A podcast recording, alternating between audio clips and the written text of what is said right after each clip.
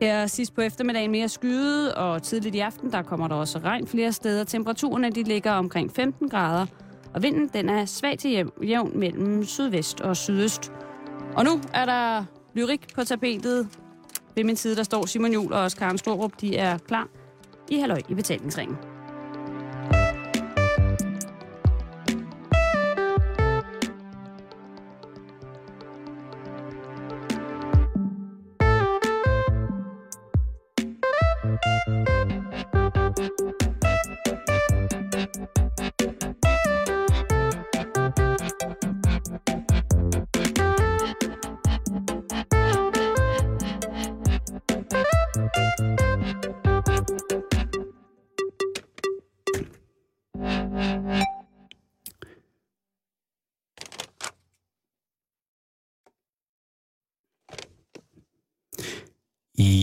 Jeg...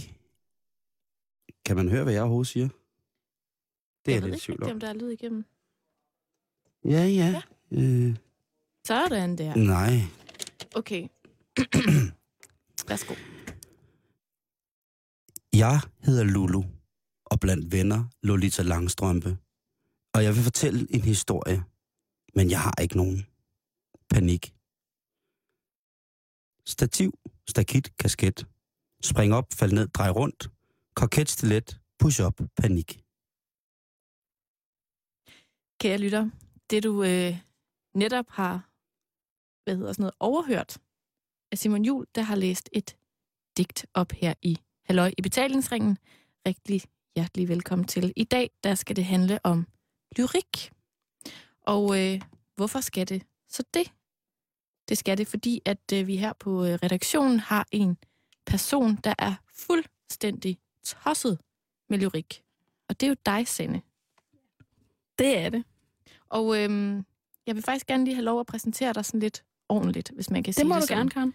Fordi at øh, udover at være tilrettelægger her på Halløj Betalingsringen, så er du jo kendt med i dansk og historie Mm-hmm. med speciale i dansk. Ja. Og så er du så, som jeg lige fik sagt før, fuldstændig tosset med lyrik. Det må jeg jo øh, erkende. Og hvorfor er du egentlig det?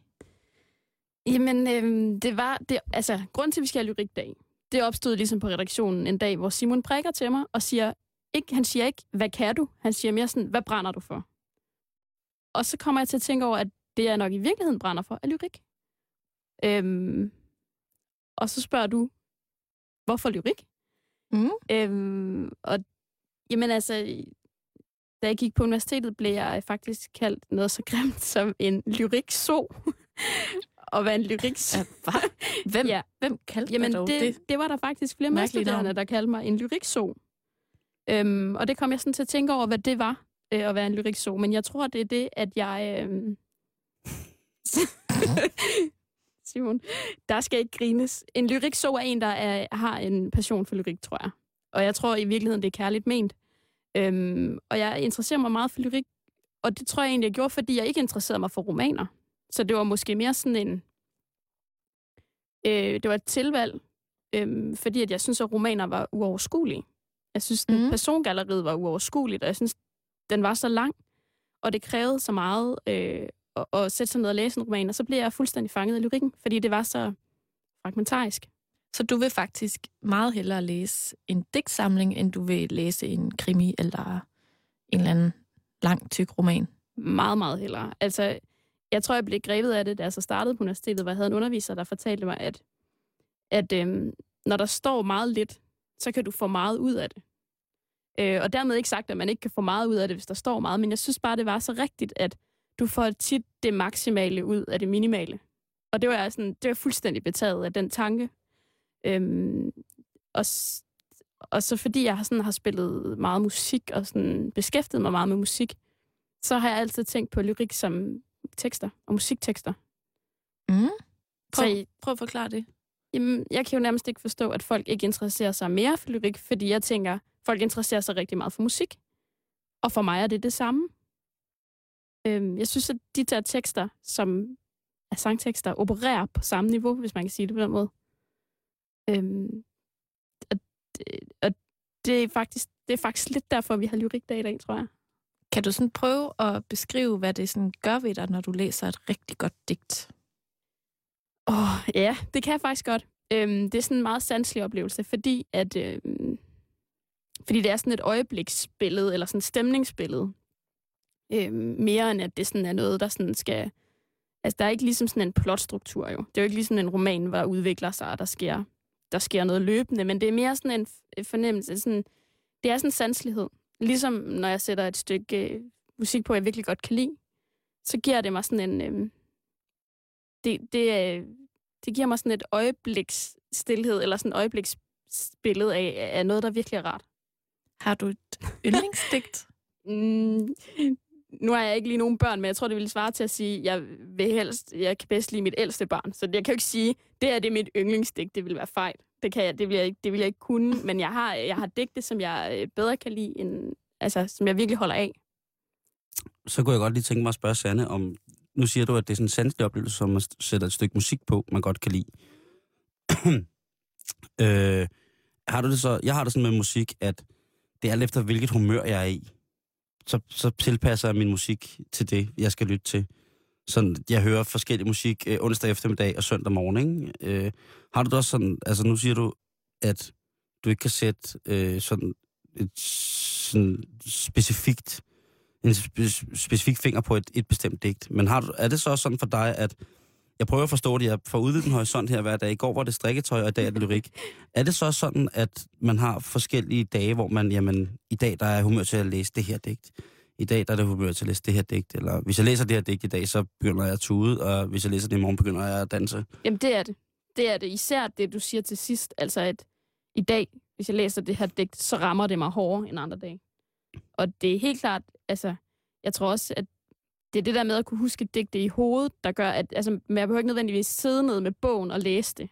Men det er sådan fornemmelsen af ordene, eller nogle bestemte sætninger, øh, eller øh, i, i det digt, jeg husker, som, som sidder fast. Og der er det helt klart efter humør. Det, der, Fedt. det fungerer fuldstændig på samme måde for mig. Okay. Men, Sanne, øh, vi er jo... Altså, nu taler jeg, tillader jeg mig at tale på både Simons og min vegne. Tal, Karen. Tal. Altså, helt vildt øh, imponeret og fascineret af din passion for lige præcis lyrik. Og øh, derfor har vi jo også øh, besluttet i dag, at man kan sige lidt ligesom der findes karndag, så Ja. er det lidt sandedag i dag. Det er meget dejligt at have øhm, Øhm, og øh, det er ligesom dig, der har fået lov at, at bestemme, hvad vi skulle lave i dag. Mm. Øh, og øh, jeg ved, du har inviteret en gæst i studiet, og så videre. Øhm, og jeg kunne egentlig godt tænke mig at bare sådan at give rådet til dig. Ja. Altså, vi er her jo alle sammen, og Simon og jeg er ligesom til stede. Men jeg tænker, at jeg vil lave en lille, et lille oplæg Ja. til, til Lyrikdag med, med Sanne, hvis det er okay. Meget gerne. Så øh, nu vil jeg rigtig gerne øh, byde velkommen til Lyrikdag i betalingsringen med Sanne Sigal Ben Murial og Jakob Svebenhøjser. Ja. Ej, det var meget svært at sige. Jeg ved, du har trænet øh, i at sige begge navne Ja. på én gang. Du har, Nu får du selv lov til at introducere Ja. din gæst rigtig udtalt navn og det hele. Ja. Værsgo. øhm, jeg har inviteret en gæst i studiet. Øhm, og ikke fordi, at I ikke ved noget, Karen og Simon, men fordi, at jeg kender Jakob og ved, at om nogen, så ved han lige så meget, som jeg gør, og om muligt endnu mere. Så velkommen til Jakob Svebben Højser, som er øh, phd studerende ved Aarhus Universitet. Han er musiker. Han er faktisk billedkunstner. Og så er han rapper. Velkommen. Tak. Yeah! Jeg tror ikke, man kan have et meget vildere CV end det. I virkeligheden. Så skal du se mig om fem år. Okay. Jamen, det øh, Sådan. Stærkt. gerne. Øhm, jeg har inviteret dig i studiet, fordi at, øhm, at jeg jo kender dig fra Aarhus Universitet. Vi har øh, læst sammen. Øhm, eller det har vi faktisk ikke. Vi har aldrig rigtig læst sammen, men vi har kendt til hinanden. Fordi jeg har læst noget, du har skrevet. Du har faktisk også læst noget, jeg har skrevet. Og vi kendte ikke rigtig hinanden, men havde mailet sammen. Og på et tidspunkt, så sidder vi til en forelæsning, uden at vide, hvem hinanden er, men har mailet sammen og snakket sammen. Og så kigger jeg øh, til højre, og så sidder du der faktisk, og så tænker jeg, gud, det er ham. Jeg ved, det er ham. Uden at vide, det var dig. Eller sådan, det var faktisk lidt underligt. Øhm, så vi har faktisk kendt til hinanden et stykke tid. Og jeg ved jo, at, øh, at du er, er jeg vil jo ikke kalde dig en lyrikso, fordi det er faktisk ikke så pænt. Men jeg ved, at du ved rigtig meget om lyrik. Og så tænker jeg lidt på, om vi måske skulle prøve sådan at øhm, afgrænse, eller sådan prøve at præcisere, hvad lyrik i virkeligheden er. Det tænkte jeg, du kunne hjælpe mig med. Ja, jeg vil gerne prøve. Ja. Man kan sige, øh, det allerførste, jeg synes sådan kunne være en god idé, måske at forhold på, det var ligesom, hvad forskellen er mellem lyrik og poesi og digte. Fordi jeg ved, der også er nogen øh, her på redaktionen, der sådan har været lidt i tvivl. Og, øh, og der synes jeg, at vi skal aftale, at øh, i dag betyder det det samme. For enkelhedens skyld. Så lyrik, poesi og digt, det slår vi sammen til et. Øhm, og øh, når vi så taler om det, så øh, det kan vi så lige komme ind på lidt senere, hvad det er, vi mener med. Øh, sådan, øh, der findes øh, en hel masse teoretiske udredninger i præcis, hvad, hvad lyrik er og hvad poesi er, og hvordan det, det bruges. Og det har også forskellige øh, sådan sproghistoriske, altså etymologiske rødder, øh, som peger i forskellige retninger. Hvis vi så tager lyrikken, som er det sådan ord, du har brugt mest, ikke? Øh, så er det knyttet til ordet lyre, øh, det græske adjektiv lyrikos oprindeligt, som, øh, som havde at gøre med øh, øh, øh, sang ledsaget med lyrespil. Så på den måde er lyrik og musik simpelthen forbundet øh, grundlæggende. Øh, og, øh, og det passer også, kan man sige, godt sammen med det, du før nævnte med, sådan at du synes, det ligesom for dig i en vis forstand var det samme nærmest. Ja. Altså, Det har i hvert fald nogle grundtræk til fælles, også på den måde, altså rent sprogligt. Så det kan man faktisk godt sige. kan man man kan også. faktisk, det kan man faktisk godt sige. Ja. Øhm, men hvis vi så altså prøver at finde ud af, hvad det er for noget, vi egentlig taler om. Hvis man så, det, det første folk tænker, det er måske på et digt på en F4 eller mindre side med tryksværte, som øh, er karakteriseret derved, at den har en flosset højre margin. Det er den korteste definition på et digt, kan man sige. Og øh, hvad betyder det, at højre margin er flosset? Altså, det betyder, at øh, det ikke er tilfældigt, hvor lange linjerne er.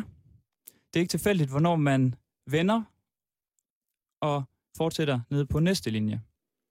Når man læser prosa, romaner for eksempel, øhm, eller enhver type prosatekst, så fortsætter teksten helt ud til højre side, og øh, når man når derud, så starter man ned på næste linje. Og det er egentlig ikke noget, forfatteren har øh, bekymret sig om. Det er bare det tilfældige øh, publikationsorgan, der ligesom har øh, truffet det valg om, at tiden den er så så bred, og når vi når hertil, så fortsætter vi på næste linje. Og der, er- det er simpelthen grundforskellen mellem prosa og øh, vers. Altså, vers bliver så ligesom et nøgleord her, ikke? Det er, det er at skrive på vers. Simon, du kigger lidt, øh, det er måske ikke et skeptisk blik, jeg får for dig. Nej, det er det bestemt ikke. Det, Simon, det, han er jeg, er, helt hypnotiseret. Ja, jeg synes, det er, øh, øh, det var bare en fin, øh, en, en fin parafrase, som øh, at, øh, er, er karakteriseret derved, at det har en, en, en flosset højre marken. Det synes jeg er fedt, fordi jeg så jo sådan en gammel bog, men så kunne jeg jo så godt forstå, som du fortalte, at det altså at rent sætteteknisk, øh, grafisk udtryk, der her taler om, og så vi taler om, at jamen, den lyriske, hvad hedder det, højre flosmarken, det er rent faktisk, øh, ja, altså det er sætteteknisk, og det er ligesom et, også et grafisk udtryk. Det er ret interessant. Det havde jeg aldrig nogensinde tænkt over. Men jeg er novice ud i lyrikkens øh, øh, stærke magi.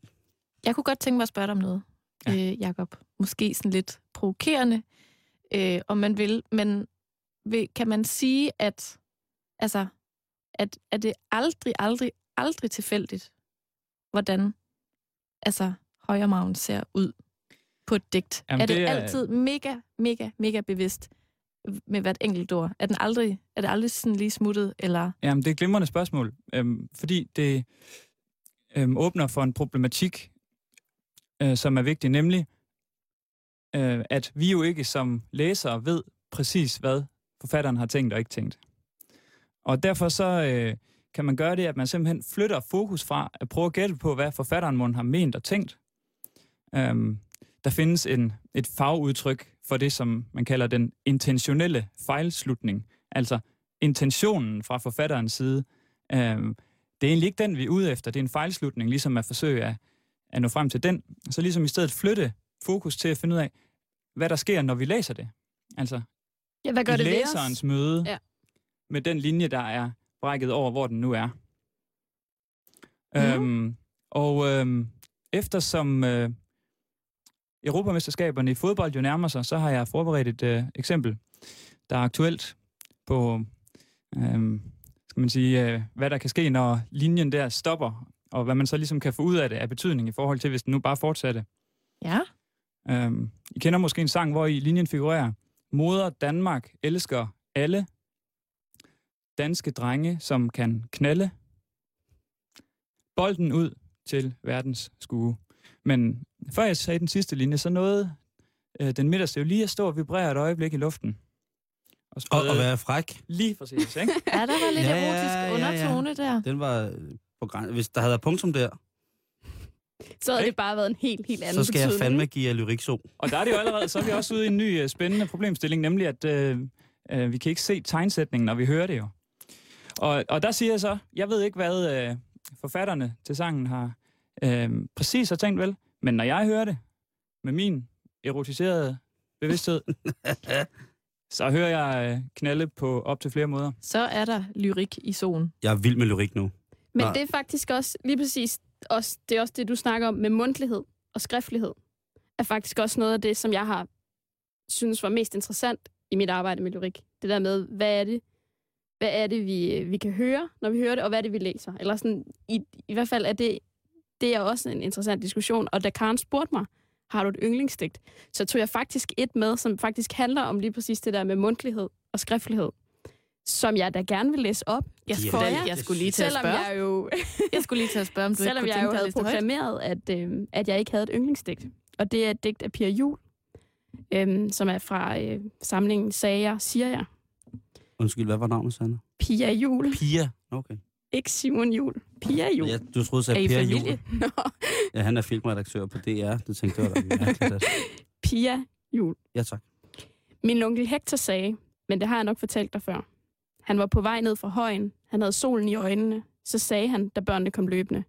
Så sagde han det, som Knud engang havde sagt, på en anden måde. Her siger jeg det selv igen. Jeg kan se ham tydeligt med solen i øjnene, syrenerne på højen, denne duft om onkel Hector.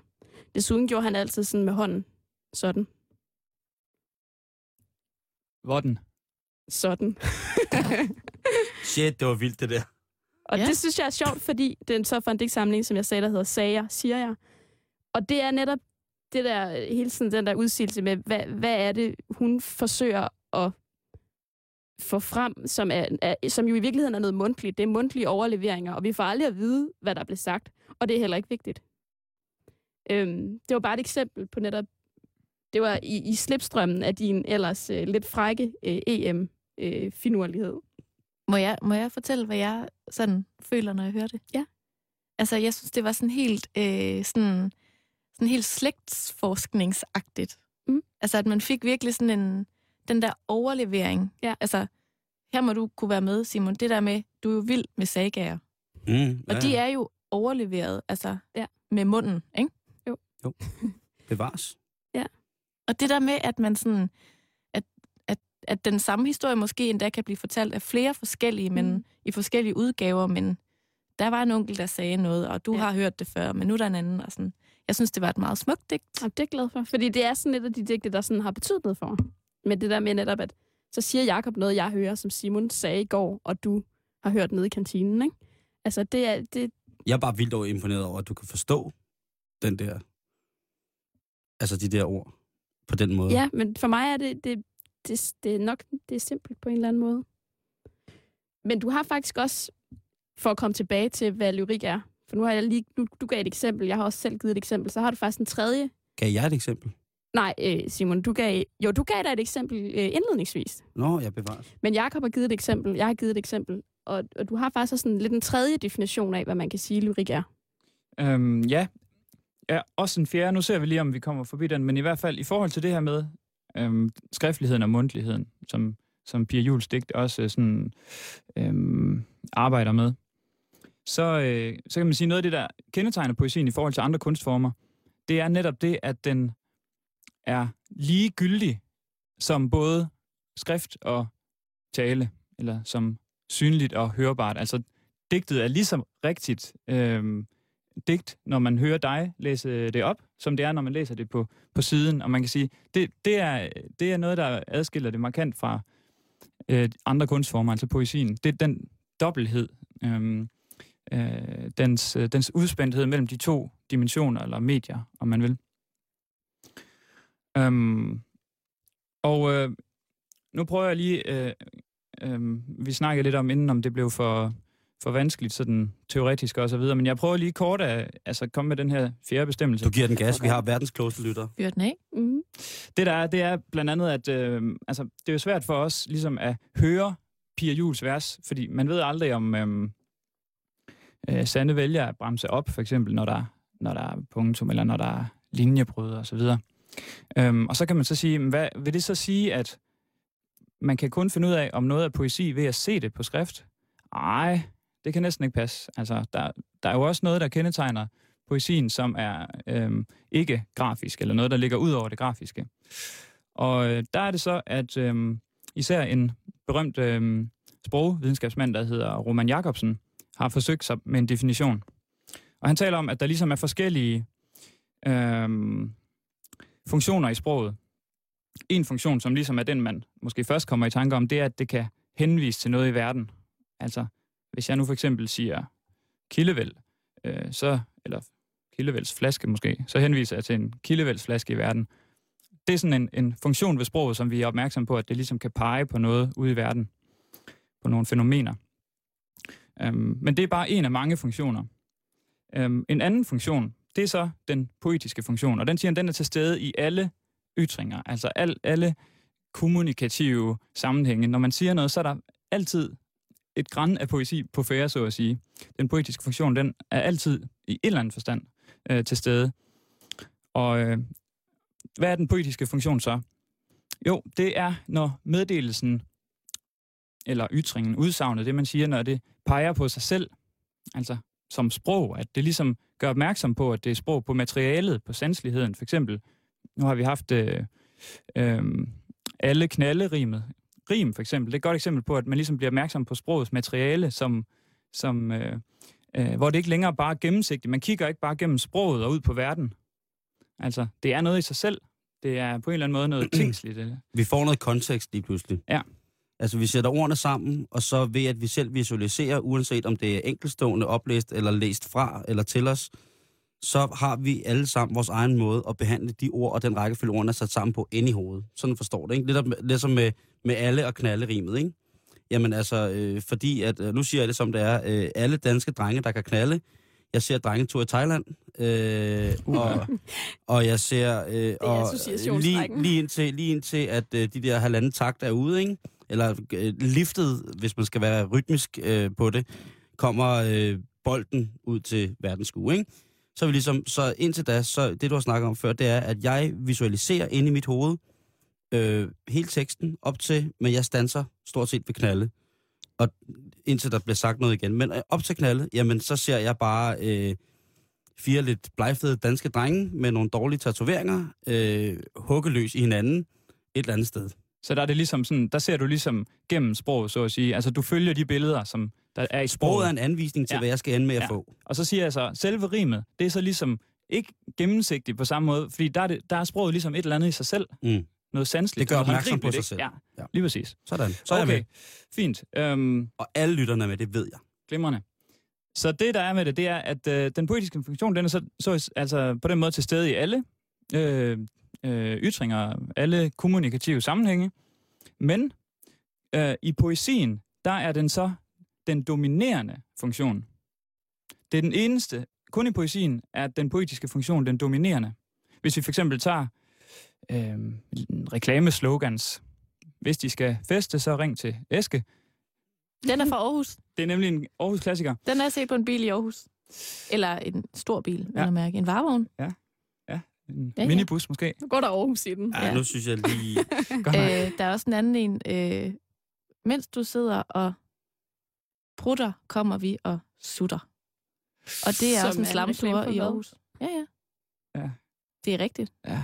Ja, den er også, Så er vi tilbage ved der det, er- det der- der lidt øh, beskidte. Men tilbage der, til øh, øh, der feste vil jeg og da godt æske. lige kigge igennem teksten der, øh, hvis jeg skal være helt ærlig. Øh, så kigger jeg da Hvad lige... ser du, Simon? Øh, Ja, det, Hvad ser uha, du? Det er... Øh, ja, det er... Puha, det er tidligere socialdemokratisk borgmesterkandidat i Aarhus, der jo altså besøger sig ved at sende noget brugt mad til svømning.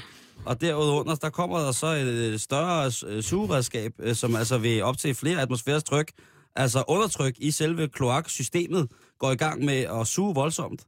Og til da, jamen, så kan jeg da sige, at jamen, det går der voldsomt ud over både øh, mere eller mindre øh, udhængende fysiske ekstremiteter, øh, hvor han sidder der på toilettet. Det er det, jeg ser. Det- Jeg ser igennem ordene, Karen. Simon, du har en... Du, du kan det Nej, der. hvor den suger. Det- Det er, så- han får suget altid Men tøj af. den kommer jo ikke og suger, den kommer og sutter. Mens du sidder og prutter, Jamen, så- kommer vi og sutter. Det er endnu mere ulet. Så får han suttet altid tøj af øh, af en stor slange, der kommer krybende ind under, øh, ind under hvad hedder det? Føj, hvor den sutter. Ja. Undskyld, men der, der siger jeg, der stopper det altså ved ordene, Men Simon, her Ph.D.-studerende. Der stopper det ved ordene, der ser jeg kun billedet. Åh oh, gud, Karen, hvad er det, du plejer at gøre på Karendag? ja okay, der, Ja. ja. det, det, den regel gælder kun på karndag. Men jeg vil, bare lige, jeg vil bare lige sige til Simon, for at komme tilbage på sporet, at hvis du skal feste, så ring til Eske. Det er lidt uh, product placement, er det ikke det? Ah, Ja, okay. jeg kender, men jeg kender hvad, ham ikke. hvad var det, der var med Ja, men det, der var med det, det var, at øh, i øh, alle andre øh, former for kommunikation, øh, udover poesi, der er den poetiske funktion ikke den dominerende. Så øh, selvom vi virkelig har fået en, en masse poesi på banen her med de, de her reklameslogans, så må man sige, at i sidste ende, så er det dominerende. Den dominerende funktion, det, det er en anden, det er ikke den poetiske. Det er nemlig reklamen for en vare, ikke? Mhm. Altså, det er nogle andre ting, der, der, der er hovedsagen. Må, må jeg spørge om noget? Mhm. Kan man sige, at et digt bliver aldrig sådan kommercielt? Eller sådan... Et digt... Mm, hvad, hvad hedder sådan noget, når man ligesom... Du kan, ikke, du kan ikke købe et digt. Eller hvad man skal sige. En digt har ikke en, en værdi på den måde, Altså, andet digt- end bare at være et digt. Digtet svært har at- jo en autonomi. Altså, det er det, du tænker, ikke? Jo. Altså, om digtet har sin egen autonomi. Mm. Og det har det vel. Altså, det har, det har lyrik digtet, og ikke reklamesloganet. Ja. Ikke det, du tænker? Jo, lige præcis. Altså ja. reklamesloganet, Ja. ja. digtet, har jo ligesom solgt ud. Ikke? Det er bundet op til, Eske. andet. Ja. det er sådan, okay, så Mm. laver lige lidt reklame for Eske. Mm. Ja. Hvor at et andet digt måske bare... Jeg behøver ikke at lave reklamer, jeg er bare et digt. Mm. Jo, og det, er også, altså, og det vil man jo også altid hævde, at, at digtet har sin egen autonomi. Og det er jo også derfor, som vi snakker om før, med, hvad læser man ind i det? Øhm, og det vil jo så være subjektivt, ikke? Altså det er, at, at alt, hvad du læser ind i det, er forskelligt fra, hvad jeg læser ind i det. Øhm, og det er der jo mange grunde til. Det kan være konventioner, du bor i Australien, jeg bor i Danmark, eller det kan være, fordi at du er 90, og jeg er 20, eller altså, der kan jo være mange grunde til, at, at man læser noget forskelligt ind i teksten, men teksten har jo sin egen autonomi. Øhm, også afhæ- altså uafhængigt no- nogle gange af forfatteren. Øhm, så man kan også sige sådan, at, at nogle gange så er det ligesom forfatteren, der stiller sig frem foran digtet og promoverer digtet. Øhm, det har vi mange eksempler på forfattere, der gør, hvor at det nærmere mere forfatteren end digtet, man læser. Øhm, men i virkeligheden, så har digtet sin egen autonomi, og du ville jo sagtens kunne læse et digt, uden at vide, hvem forfatteren var. Det kan mm-hmm. man jo Mhm. sagtens. Øhm, så jo, jeg forstår godt, hvad du mener med, om digtet har sit eget liv. Og det har det. Har det. Det synes jeg er meget sejt. Men i virkeligheden, Jacob, mm. Så øh, for at lige komme tilbage på vores øh, lyrik-teori-sti, så, øh, så har jeg jo egentlig også heddet dig herind, fordi at jeg øh, havde læst øh, nogle artikler af dig, inden jeg øh, lærte dig at kende, hvor at du beskæftiger dig rigtig meget med øh, lyrik i forhold til musik. Og det er jo igen der, hvor jeg synes, at lyrikken er allermest spændende. Det er lige præcis i, i, i skæringspunktet mellem lyrik og musik. Og der læste jeg nemlig nogle artikler, fordi at du jo, øh, du har ikke læst musik, men du øh, er meget passioneret omkring musik. Men kan du, ikke, kan du ikke lige prøve, hvor startede dit forhold til, eller hvad kom først, lyrik eller musik? Mm. Kan du prøve sådan at, at uddybe det? Jamen, så kom øh, musikken først. Altså, jeg har spillet klaver, siden jeg var helt lille, og har spillet øh, trommer, siden jeg var ret lille. Og øh, så begyndte jeg at rappe, som 14-15-årig. Og der kan man jo så sige, at poesien kom ind, ikke? Øhm, men det var så, på den måde var det efter musikken, sådan rent kronologisk. Det er nemlig lidt sjovt, fordi jeg har tænkt og tænkt og tænkt, inden vi skulle lave det her program, og jeg har prøvet at tænke over, hvad vi har til fælles. Os fire i studiet. Og det er faktisk musik. Vi er alle sammen mere eller mindre beskæftiget os meget med musik, spillet meget musik, talt meget musik og hørt meget musik. Så det synes jeg er lidt sjovt, men du har rappet. Øh, og øh, der er det så, at jeg kommer med en øh, lille overraskelse til, til øh, Simon nu. Ja. Er du klar? Okay. Morgen. Den er ikke sådan af fysisk øh, karakter. Det er en øh, information. øh, året er 2002, og øh, vi befinder os i Aarhus, nærmere bestemt Kongresscenteret. Og øh, der er finale i det såkaldte intergymnasiale Melodi Grand Prix. Karne ved nu. Det kan jeg godt huske. Ja. Vi er tilbage i Aarhus igen. Jeg er vild med det. Nå, fedt. Det kan være, du var til den finale. Okay, men det der sker, det er, at øh, jeg optræder med mit øh, øh, orkester NASA med nummeret Rumrejsen 2002. Og øh, jeg rapper, og øh, vi vinder det intergymnasiale Melodi. Og hvem overrækker prisen? Det gør øh, Karen Busk. Men hvem gør hun det sammen med, som er vært ved det show? Banjus Likørstue. Åh, oh, Ej, hvor Ja. sjovt. Det er, det er finurligt. faktisk lidt pudsigt. Det er, det er, det er lyrik. Jeg troede lige et øjeblik også, at jeg var der, indtil jeg kom i tanke om, at jeg ikke er Karen Busk. Nå. Nej, det er selvfølgelig også... Øh, men ved du hvad, det... Undskyld mig, men det skal du jo slet ikke være ked af. Nej. Det er... Øh, Karen er en... en øh, Karen er en anden... Karen Busk er en anden årgang end dig. På mange måder. Men det er lidt sjovt, fordi det er nemlig det der med, hvad vi har til fælles. Og du har simpelthen mødt Simon. Vi interesserer os alle sammen for musik. Du har snakket med Simon før. Karen er, det siger hun tit i programmet, præstedatter. Du er Ikke præstedatter. præstesøn. Hallo? Det, High five det begynder at gå op i en højere enhed. Men det, det der jo i virkeligheden var, øh, for at komme tilbage på sporet, var dit forhold til musik og rap. Ja. Du er her, og du rapper. Jeg rapper ikke lige nu. 2002. Ja. Vi er tilbage igen. Ja. 2002. Ja, og så sker der så efterfølgende det, at jeg øh, øh, for første gang sådan for alvor forelsker mig i øh, en bestemt øh, digters poesi, og han øh, hed og hedder stadig Morten Søndergaard. Og øh, jeg opsøgte så denne person på øh, en højskole tilbage i 2005, og øh, vi blev vi blev straks øh, gode venner, vil jeg nærmest sige. Øh, vi klikkede omgående, og han fandt ud af, at jeg lavede musik, og øh, så gik der ikke lang tid, før vi havde lagt planer om, at vi skulle udgive en plade sammen. Og det gjorde vi så sammen med øh, en, der hedder Emil Thomsen, to år efter. Og øh, der kan man sige, der skete der ligesom det, at jeg sådan øh, fik øh, den, den skriftlige lyrik, men så i en mundtlig form, kan man sige, ikke? altså oplæst øh, ind under huden på en, på en anden måde, nemlig ved at arbejde med det som musiker, som lyd, og arrangere det rytmisk, og så videre, og så videre. Øhm, så det var sådan næste, næste skridt. Øhm, der var et spørgsmål herovre. Nå, men jeg tænkte bare på, om, altså, var det sådan noget, øh, hvad var det for en slags musik, I lavede i, i den konstellation?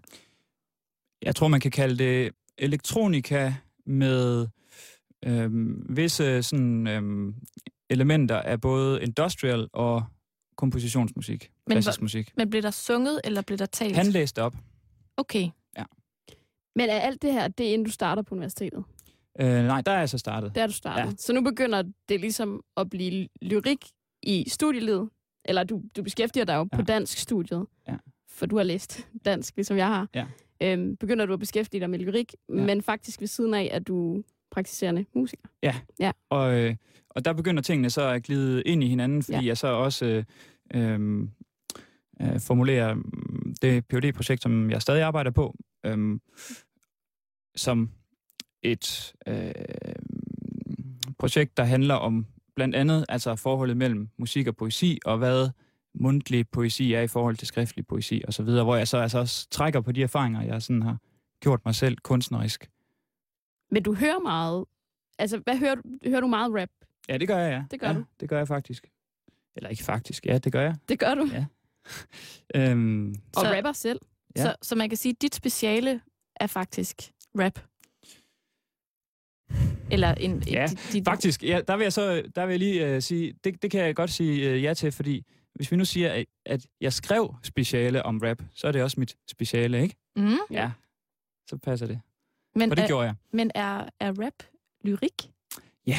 Spørger jeg lige Ja. herovre fra. Men Det er- kan man... Og hvad var specialet? Undskyld, jeg spørger. Det er jo meget Nå, godt ja. at snakke om det, men øh, Jamen, hvad, det, hvad, det hvad handlede var, så specifikt om øh, øh, det, man kalder flow, altså den rytmiske bevægelse i rap-strømmen hen over beatet. Men er det noget, du... Altså, er det dig, der siger, rap er lige eller lyrik er lige med rap, eller er det, kan man godt sige det? Kan man sige det sådan mere universelt? Kan man, kan man generalisere det og sige, Ja. at det er det? Ja. Det er tekst. Ja, det synes jeg faktisk, man ja. kan, ja. Altså, det er kunstnerisk øh, formet sprog, som ovenikøbet er på vers. Øhm, og øh, hvis man sådan ser historisk på det, så har man jo også haft en lang tradition for, altså, at for eksempel øh, de græske rapsoder og så videre, og så videre, helt tilbage og i middelalderen og så videre, at poesi er simpelthen blevet øh, reciteret og sunget. Altså blev der bustet rim? Nu siger du rapsoder. Jeg ved jo ikke, hvad det er. Det kunne lige så godt være. en- Rap, Rapsoder. Rapisodes. Hold eller- kæft, ikke? Altså, men blev, altså, blev der bustet rim øh, i, hos de gamle grækere? Altså faktisk, øh, så for eksempel Homers øh, øh, berømte værker, de er ikke på rim. Nå. Men øh, de er på hexametre, så de er sådan, det er en versform, som er sådan vers, øh, meget strengt reguleret metrik. Altså øh, med en bestemt fordeling af... Øh, Hva- Hvordan, kan, kan du komme med et eksempel på, hvordan det kunne lyde? Øhm, syng mig Gud inde om helten starter for eksempel Mm. Odysseen. Dam, bam, bam, bam, bam, bam, bam. Det er så i øh, Otto Sten Due, hedder oversætteren, i hans helt aldeles fortryllende og vidunderlige oversættelse. Øhm, som Kan jeg du varmt høre? kan anbefale. Lige da Jacob siger det, Ja, kan du høre, jeg kan godt hvor høre, at, meget... at der er en, der, der hænger ud med lyrikken til hverdag, og Ja. virkelig... Øh, det, det er jo ret vildt. Det er meget smukt, Ja, synes jeg. Det skal jeg da være ærlig at sige.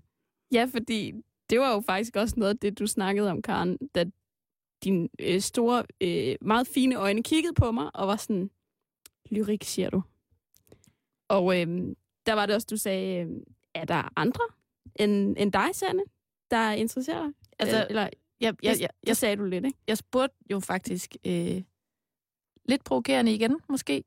Øh, er der overhovedet nogen i 2012, der læser digte?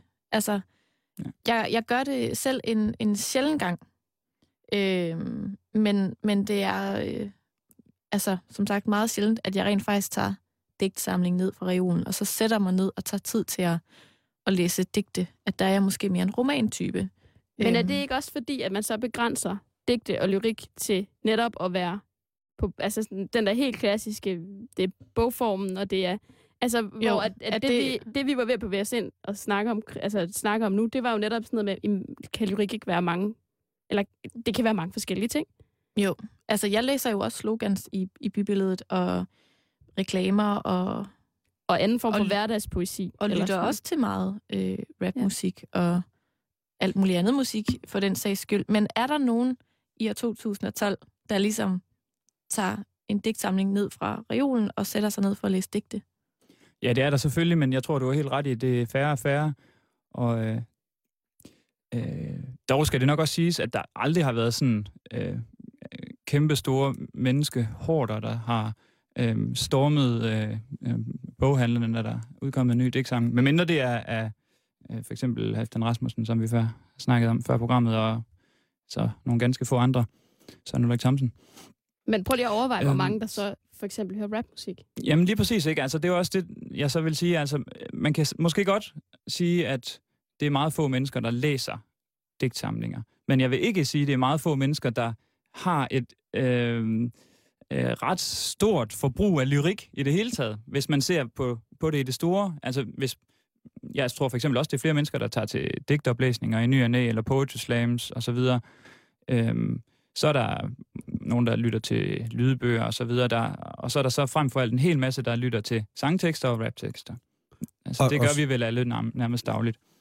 Jo, og så det der med, om, nu spørger du, hvor mange der læser lyrik, så kommer jeg til at tænke på, jamen, eller tager bogen ned fra, fra, altså så er vi også ude at tale i, hvad er det for en medie, at lyrikken bliver præsenteret. Ja, lige præcis. Fordi jeg vil godt ved med, at der er flere mennesker end nogensinde før, der læser lyrik, fordi de hver dag går ind og googler deres yndlingssangtekst. Fordi det er jo tilgængeligt, og alle folk vil gerne høre teksten, og flere og flere YouTube-klip bliver også lagt op med tekst på, fordi at øh, kunstnerne ikke vil misforstås, Mm. fordi deres lyrik skal tages alvorligt. Mm. Og derfor så, øh, derfor så tror jeg, at, at øh, vi, vi er meget bedre stillet i virkeligheden. Ikke? Fordi jeg er jo en af de der mennesker, som øh, i henhold til, hvis vi snakker om at se igennem ordene, hvad bliver vi præsenteret for for en med? Hvis jeg bliver præsenteret for en bog, som hedder øh, Lyrikkens magisk, eller Nøglen til lyrikkens magiske love, som havde, indholdet var de 100 bedste raptekster øh, inden for fra 92 til 98. Øh, og det hed, det, det hed bogen ikke. Men det, hvis det var to bøger, den ene hed bedste raptekst, de bedste punchlines fra 1998 til 2001, øh, eller hvad det var, og så nøglen til lyrikkens magiske love, så vil jeg tage punchlinesene fra en vis årgang, ikke? Fordi at jeg, jeg er sådan en, der... Åh, altså, lyrik, nej. Nu må I se, altså, hvis der, hvis der, hvis der er flere ting i, i, i rim og jamper, tokerer, alt muligt alt mod, så væsner jeg indeni, og så falder jeg simpelthen død om, ikke? Lige Men pludselig jeg- har du taget sådan en sort rullekrave på, og Lige pludselig sidder jeg med min ryger pipe og har en voldsom lang sideskilning, hvor håret også ligger ned over det ene øre, men det andet øre er frit, fordi så kan jeg høre, hvad han siger på den anden side af mig, for jeg skal føle det med at kigge på ham. Men jeg tror bare i virkeligheden, at når vi snakker om det i dag, og nu skiller vi jo tingene ad øh, til, til atomer her, men jeg er jo sikker på, at der er flere folk end nogensinde, der er i kontakt med, med lyriske værker hver dag. Så kan vi så diskutere kvaliteten af den akademiske høje eller lave værdi eller indhold af den. Det må vi så øh, lade lægge hen til øh, en, en følge tongerprogrammer, som spreder sig hen over en mørk, mørk isvinter, når den kommer og tager os. Men, men tænk på, hvor mange ting vi kommer i nærheden af, som bare quotes. Twitter, Mm. det er 140, bog, 140 anslag. På en eller anden måde, så bliver man nødt til at være en lille smule lyrisk i den måde, som man går til det på. Og der er fandme mange mennesker, som i dag på den måde er lyren værdig på Twitter. Ja. Netop fordi, at de bliver nødt til at begrænse sig selv i deres sprog, og så skal de have, så mange ting ind, så de bliver nødt til at visual- visualisere eller konkretisere et visuelt punkt, som vi skal fokusere på som modtager. Så jeg er sikker på, at, at og nu lyder det som om, det er meget forstand på lyrik, men jeg tror bare ikke, at vi har tabt lyrikken Nej, på den måde. og det tror jeg nemlig heller ikke, og det skal man heller ikke være bange for, fordi man altid siger, øh, nu går verden under, eller den næste generation kan forstår ingenting. Men jeg tror netop, som du siger, det er jo et spørgsmål om definition. Altså, det, Mm. det er et definitionsspørgsmål. Og det er også noget med at udvide altså rammerne for, øh, for begrebet lyrik. Øhm, og der vil jeg for eksempel lige bruge det, øhm, eksemplet Morten Søndergaard igen, fordi øhm, han har netop sådan med, i sit forfatterskab øh, fået sine øh, ord til at blomstre ud i adskillige forskellige retninger. Altså, et af hans nyeste påfund er, at han har lavet et ordapotek, hvor man så kan for eksempel købe numeralier, og så, øh, som man skal tage i bestemte doser, i, øh, men også passe på at, at spørge en digter om bivirkninger osv. det er meget sjovt. Super fedt koncept. Og noget andet, han har gjort, er, at han... Øhm, Også lidt stenet. Det, det siger jeg bare. åh, Jeg siger det bare. Nå, jeg er oppe over det. Jeg synes, det... jeg, jeg, jeg synes, tænkte er det. Man kan da sagtens være op over noget, der er stenet. Ja, det Jamen, kan så, man sagtens. Ja, nu skal vi bare se det tænker, på et tidspunkt, så tror jeg. Ja. Nå, men okay. Noget andet, han har gjort, som jeg ved så ikke, om jeg også synes er stenet, er, at øh, han er begyndt at skrive øh, sangtekster til øh, et andet band, jeg spiller i, som hedder Maribel Catastrophe. Og vi udgav en plade her for nylig, der hedder Amygdala. Og der har han simpelthen skrevet øh, alle teksterne i samarbejde med forsangerinden Marie Højlund. Øhm, så øh, på den måde, så, altså, så har han simpelthen taget springet og begyndt at skrive på engelsk i den sammenhæng, ikke? Og det betyder, at han, hans ord, de ligesom øh, strømmer ind i øh, folks hoveder fra nye kanaler, ikke? Og folk, der måske ikke vil have læst dem i en bog, fordi de så vil visne indeni, ligesom Simon. Og der vil jeg jo ikke lige sige, den, den vil jeg ikke, have, den vil jeg ikke have, have siddende på mig, så at sige, som øh, en poesiforsvarsadvokat nu. Så nu får du lige en punchline fra øh, Otto Sten Due, Ja, streg Homer, som du spurgte om før. Ja. Føj du i skamløshed klædte gement beregnende stylper. Yeah! Øh, jeg svarer øh, på, øh, på den øh, lange nordiske nalfarsaga med kætter, kætter, brand, du kætter. Øh, og øh, det er jo så, hvad vi kan her i Norden. Ja, ja, så skal jeg da give dig et nik. tak, o konge. Ja, det blev meget mærkeligt nu. Det kan jeg godt se. Men, øh, Ja, men stadig ja. så synes jeg, det er sjovt at, at, at lige følge op på den, fordi det er det der med at sige, at jamen, I er gode til det med ord. Altså, det handler jo i virkeligheden om at være altså, lyrik og digte, og igen twitter. Man kan være god til at twitte, man kan være dårlig til at twitte. Det handler jo alt sammen om, hvor god man er til at sætte ord sammen, så de er, jamen det ved jeg ikke, kan være overraskende, eller nytænkende, eller nyskabende, eller bare være vedkommende, eller, eller skabe, altså det lyrik og, kan er jo også, at det tit og ofte skaber sådan en eller anden form for affekt, og ikke effekt. Ikke? Jakob nikker. Øh, hvor at, at affekten ligesom går ind og, og på en eller anden måde påvirker en mere fysisk. Øhm, fordi at, at, at det er sat rigtigt sammen. Man kan mærke noget her af, af vedkommende. Altså, jeg tænker bare lidt, altså, kan man, øh, altså, har alle digte en berettigelse? Altså, kan man tale om, at der er gode digte og dårlige digte? Må man godt det? Eller skal alle, alt, alt poesi er ligesom god poesi, fordi det er poesi? Altså, kan Men- man tillade sig at skælne? Det er jo den der smagsdommer-ting, som man, har, man går meget op i. Altså, man går meget op i, om noget er godt eller dårligt, og anmelder alting, og der skal stjerner på. Men det kunne være interessant at prøve at, at, at lade den st- stå ud af det der anmelderi. Men derfor, jeg forstår stadigvæk godt dit spørgsmål, fordi det er det samme som sådan noget med kunst. Øhm, Som er, er, vi jo har er, det, diskuteret er det før. kunst, eller er det ikke kunst? Og, og er lyrik først lyrik, når det kommer i en bog, og man siger, at det her det er en digtsamling, og altså, ligesom er det, en, er det først en salme, når den bliver sunget i kirken, eller er der også meget lyrik, der er skrevet, uden at det i virkeligheden var tiltænkt som salme, og så først bliver salme, når nogen siger, nu er det en salme, nu kan du synge, nu er det en salme. Altså, det... Jeg ved ikke, om du kan supplere, Jacob. Men Hvad siger du, Jacob? Jo, jeg, jeg vil sige, altså, for det første, at al øh, lyrik er selvfølgelig berettiget. Altså, det har sin berettigelse, helt klart. Øhm, og er gyldig lyrik i den forstand. Men jeg synes stadig godt, at det udelukker ikke på nogen måde, at man samtidig kan have en, øh, nogle kvalitetskriterier eller krav og så videre. Men det er ikke krav, der ligesom øh, kan øhm, øh, øh, sørge for, at det ikke er poesi længere.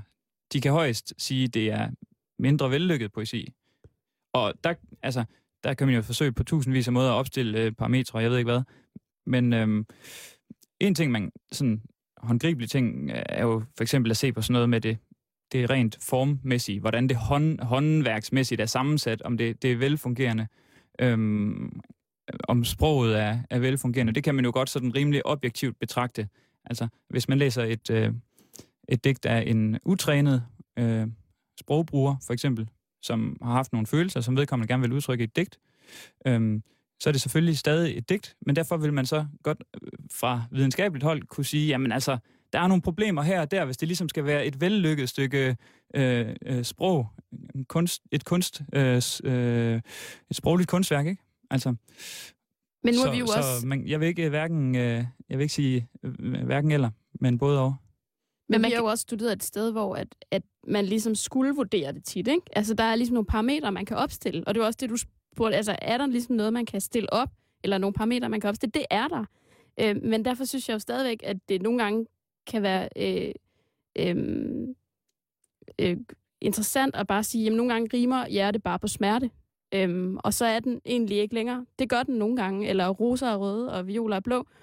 Øhm, og og det, det synes jeg også, man skal kunne tage med. Eller sådan, at, at der er også lyrik, der fungerer øhm, i forhold til, til hvor, du, hvor du er, og hvor du, hvor du står.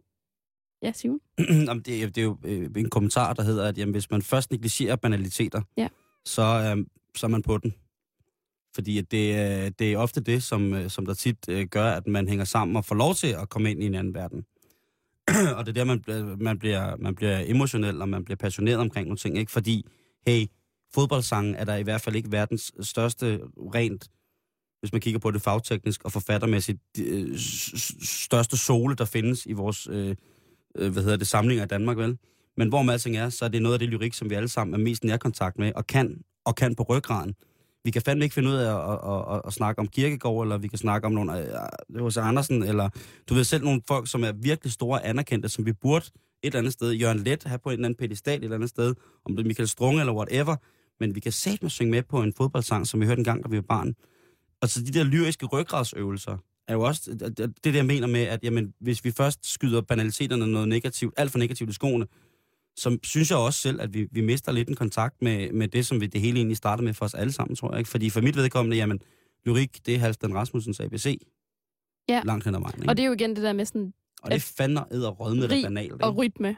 Og, og igen, det er jo ikke nødvendigvis i dag, rim og rytme, men grund til, du også, det er nostalgien i det for dig, ikke? 100 procent, og det er, jo, det er jo en passion. Altså, det er ja. jo emotionelt, det som jeg, den relation, jeg har til det, ikke? Jo. Øh, men hvor man også siger, at jamen, hvis man, øh, nu hører vi alle sammen her, øh, de fleste af os en del rapmusik, hvis man hører et rigtig, rigtig godt rapnummer, med fuldt arrangement på, altså både med, med, med, med trommer, beat og alt muligt på, så er det, wow, hold da kæft, det, man tænker, wow, det er, det er super fedt, og så er det sådan, ej, det er faktisk ikke så fedt på et eller andet tidspunkt. Så man starter med at kunne lide det, men hvis man så hører nummeret a cappella, det vil sige, at man bare hører teksten, så bare hører rappet uden rytme på, så har man også en tid til netop øh, igen, og så er der ikke så meget, der forstyrrer.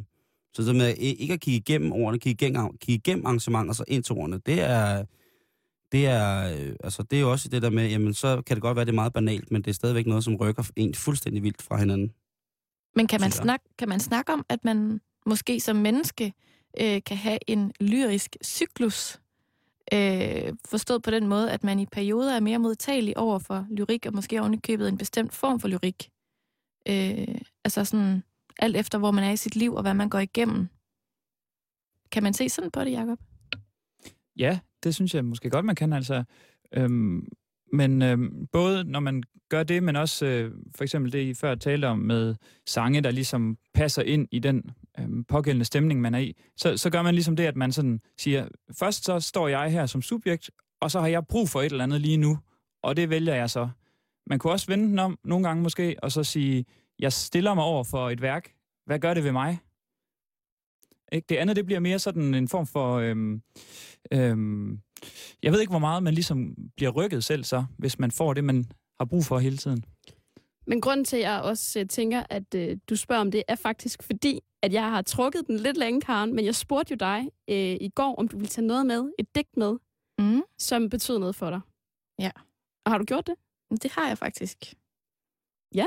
Jeg har taget et digt med, som betyder rigtig meget for mig. Øh, Nu ved jeg ikke, nu ved jeg ikke lige helt, hvad... Kan du, kan du afsløre det? Det vil jeg meget gerne. Og jeg vil også rigtig gerne læse det højt, lige her på falderæbet. Ja. Så for at, ligesom at introducere det helt kort, så er det et digt, der indgår i en øh, digtsamling, der hedder Kærestesorg. Ja. Noget så banalt som kærestesorg. Og det er skrevet af Christian Bjørnkjær. Ja. Øh, helt tilbage fra øh, den, den her digtsamling udkom i 1976. Og hvornår bliver du introduceret for den? Jamen, det gør jeg faktisk øh, lige inden jeg starter i gymnasiet Ja. ja. af min far, som øh, om nogen har lidt sådan... Vi har noget derhjemme, vi kalder øh, digtersind, som sådan Er nu i øh, dækker lidt over øh, en, en skrøbelighed og en følsomhed. Ja. Øh, så i min familie har vi digtersind. Øh, så øh, jeg er blevet præsenteret for meget forskellig lyrik, men her, der bed den ligesom på. Altså, og det var ikke en tekst, en sangtekst eller et eller andet. Det var ligesom et digt, der bare ramte mig. Og nu vil jeg gerne have lov at det højt. Det må du meget gerne. Hvis du forlader mig, så gør det hurtigt, resolut og uden falsk medlidenhed. Forlad mig med et hug, der kapper alle bånd. Forlad mig i en afgrund, hvorfra man kun kan klatre opad. Og dog, man risikerer jo at blive dernede og aldrig komme op. Måske er det alligevel for hårdt. Jeg vil bede dig om noget andet. Hvis du forlader mig, så gør det blidt og nænsomt, og ikke pludseligt med voldsomhed, chokerende og larmende. Gør det blidt og nænsomt, og helst i små portioner. Langsomt, så jeg kan vende mig til tanken. Og dog, det er under alle omstændigheder ubehageligt, noget der gør ondt. Så hvorfor trække pinen ud? Ja, hvorfor sætte sig selv i den situation? Nu har jeg det. Forlad mig tidligt. Forlad mig i min ungdom, før vi lærer hinanden at kende, ved en fest, hvor vi begge to er. Lad mig møde en anden end dig, hvis du alligevel vil forlade mig. Forlad mig i min barndom en tidlig solskinsmorgen, hvor alle køer er sat på græs, og jeg endnu er en lille dreng, der leger i en sandkasse. Åh, oh, kære, jeg tror, jeg dør, hvis du forlader mig. Tag mig med. Kan du ikke bare tage mig med, hvis du forlader mig?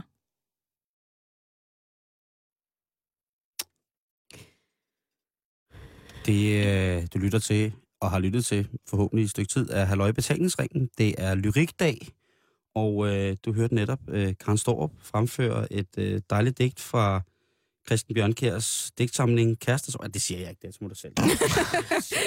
Jeg synes ellers, det gik meget godt. Jeg kan afslutningsvis Jamen, øh, sige, at både Karen og jeg fik ondt i maven, da vi før på dagen sad og læste op. Og der kan man netop snakke om noget med noget, der måske Altså, er det her, personligt. det her digt er jo øh, et, jeg vender tilbage til øh, mange gange, siden jeg hørte det første gang. Og det er jo frygtelig banalt, men det er jo det her øh, med sorg. Altså den her kærlighed, der lige pludselig bliver hjemløs. Og det er jo en følelse, alle kan relatere til, uanset om det er kærestesorg, eller, Eller hvis man er sulten. eller hvis man er øh, en sult, der Simon? bliver sorgløs. Du forstår, punkterer lyrikdag, ligesom den er ved at slutte. Jo, men, Men jeg kan lide dig bevares, for det. Bevares, bevares. Altså, jeg synes... Øh, Og egentlig så tror jeg også bare, at jeg vil sige øh, mange, mange tusind tak for, at jeg måtte låne jeres betalingsring i dag til lyrikdag, fordi det har været virkelig dejligt at sige tusind, tusind tak til Jakob, Det var en fornøjelse. som i hvert fald har gjort mig klogere. Jamen altså, det er os, der takker. ja, det vil jeg også lige sige. Tak til jer Tusind, begge øh, to. En uh, Wu-Tang tak til jer for, uh, for at give Ja. os noget at tænke over. Jeg vil det er gerne give fedt. props. Må godt spørge, om, om, om vi må have lov til at ringe igen uh, til dig, Jacob, hvis du har lyst til at komme forbi. Altid. Fedt, mand. Godt. Jamen, det var... Øh, Nej, det var det ikke, fordi vi har fået en Facebook-side. det er rigtigt. Åh, oh, hvordan kunne jeg glemme det? Ja, gider du godt lige at sige det så? Øh, Facebook.com-betalingsringen. Vi ses på nettet.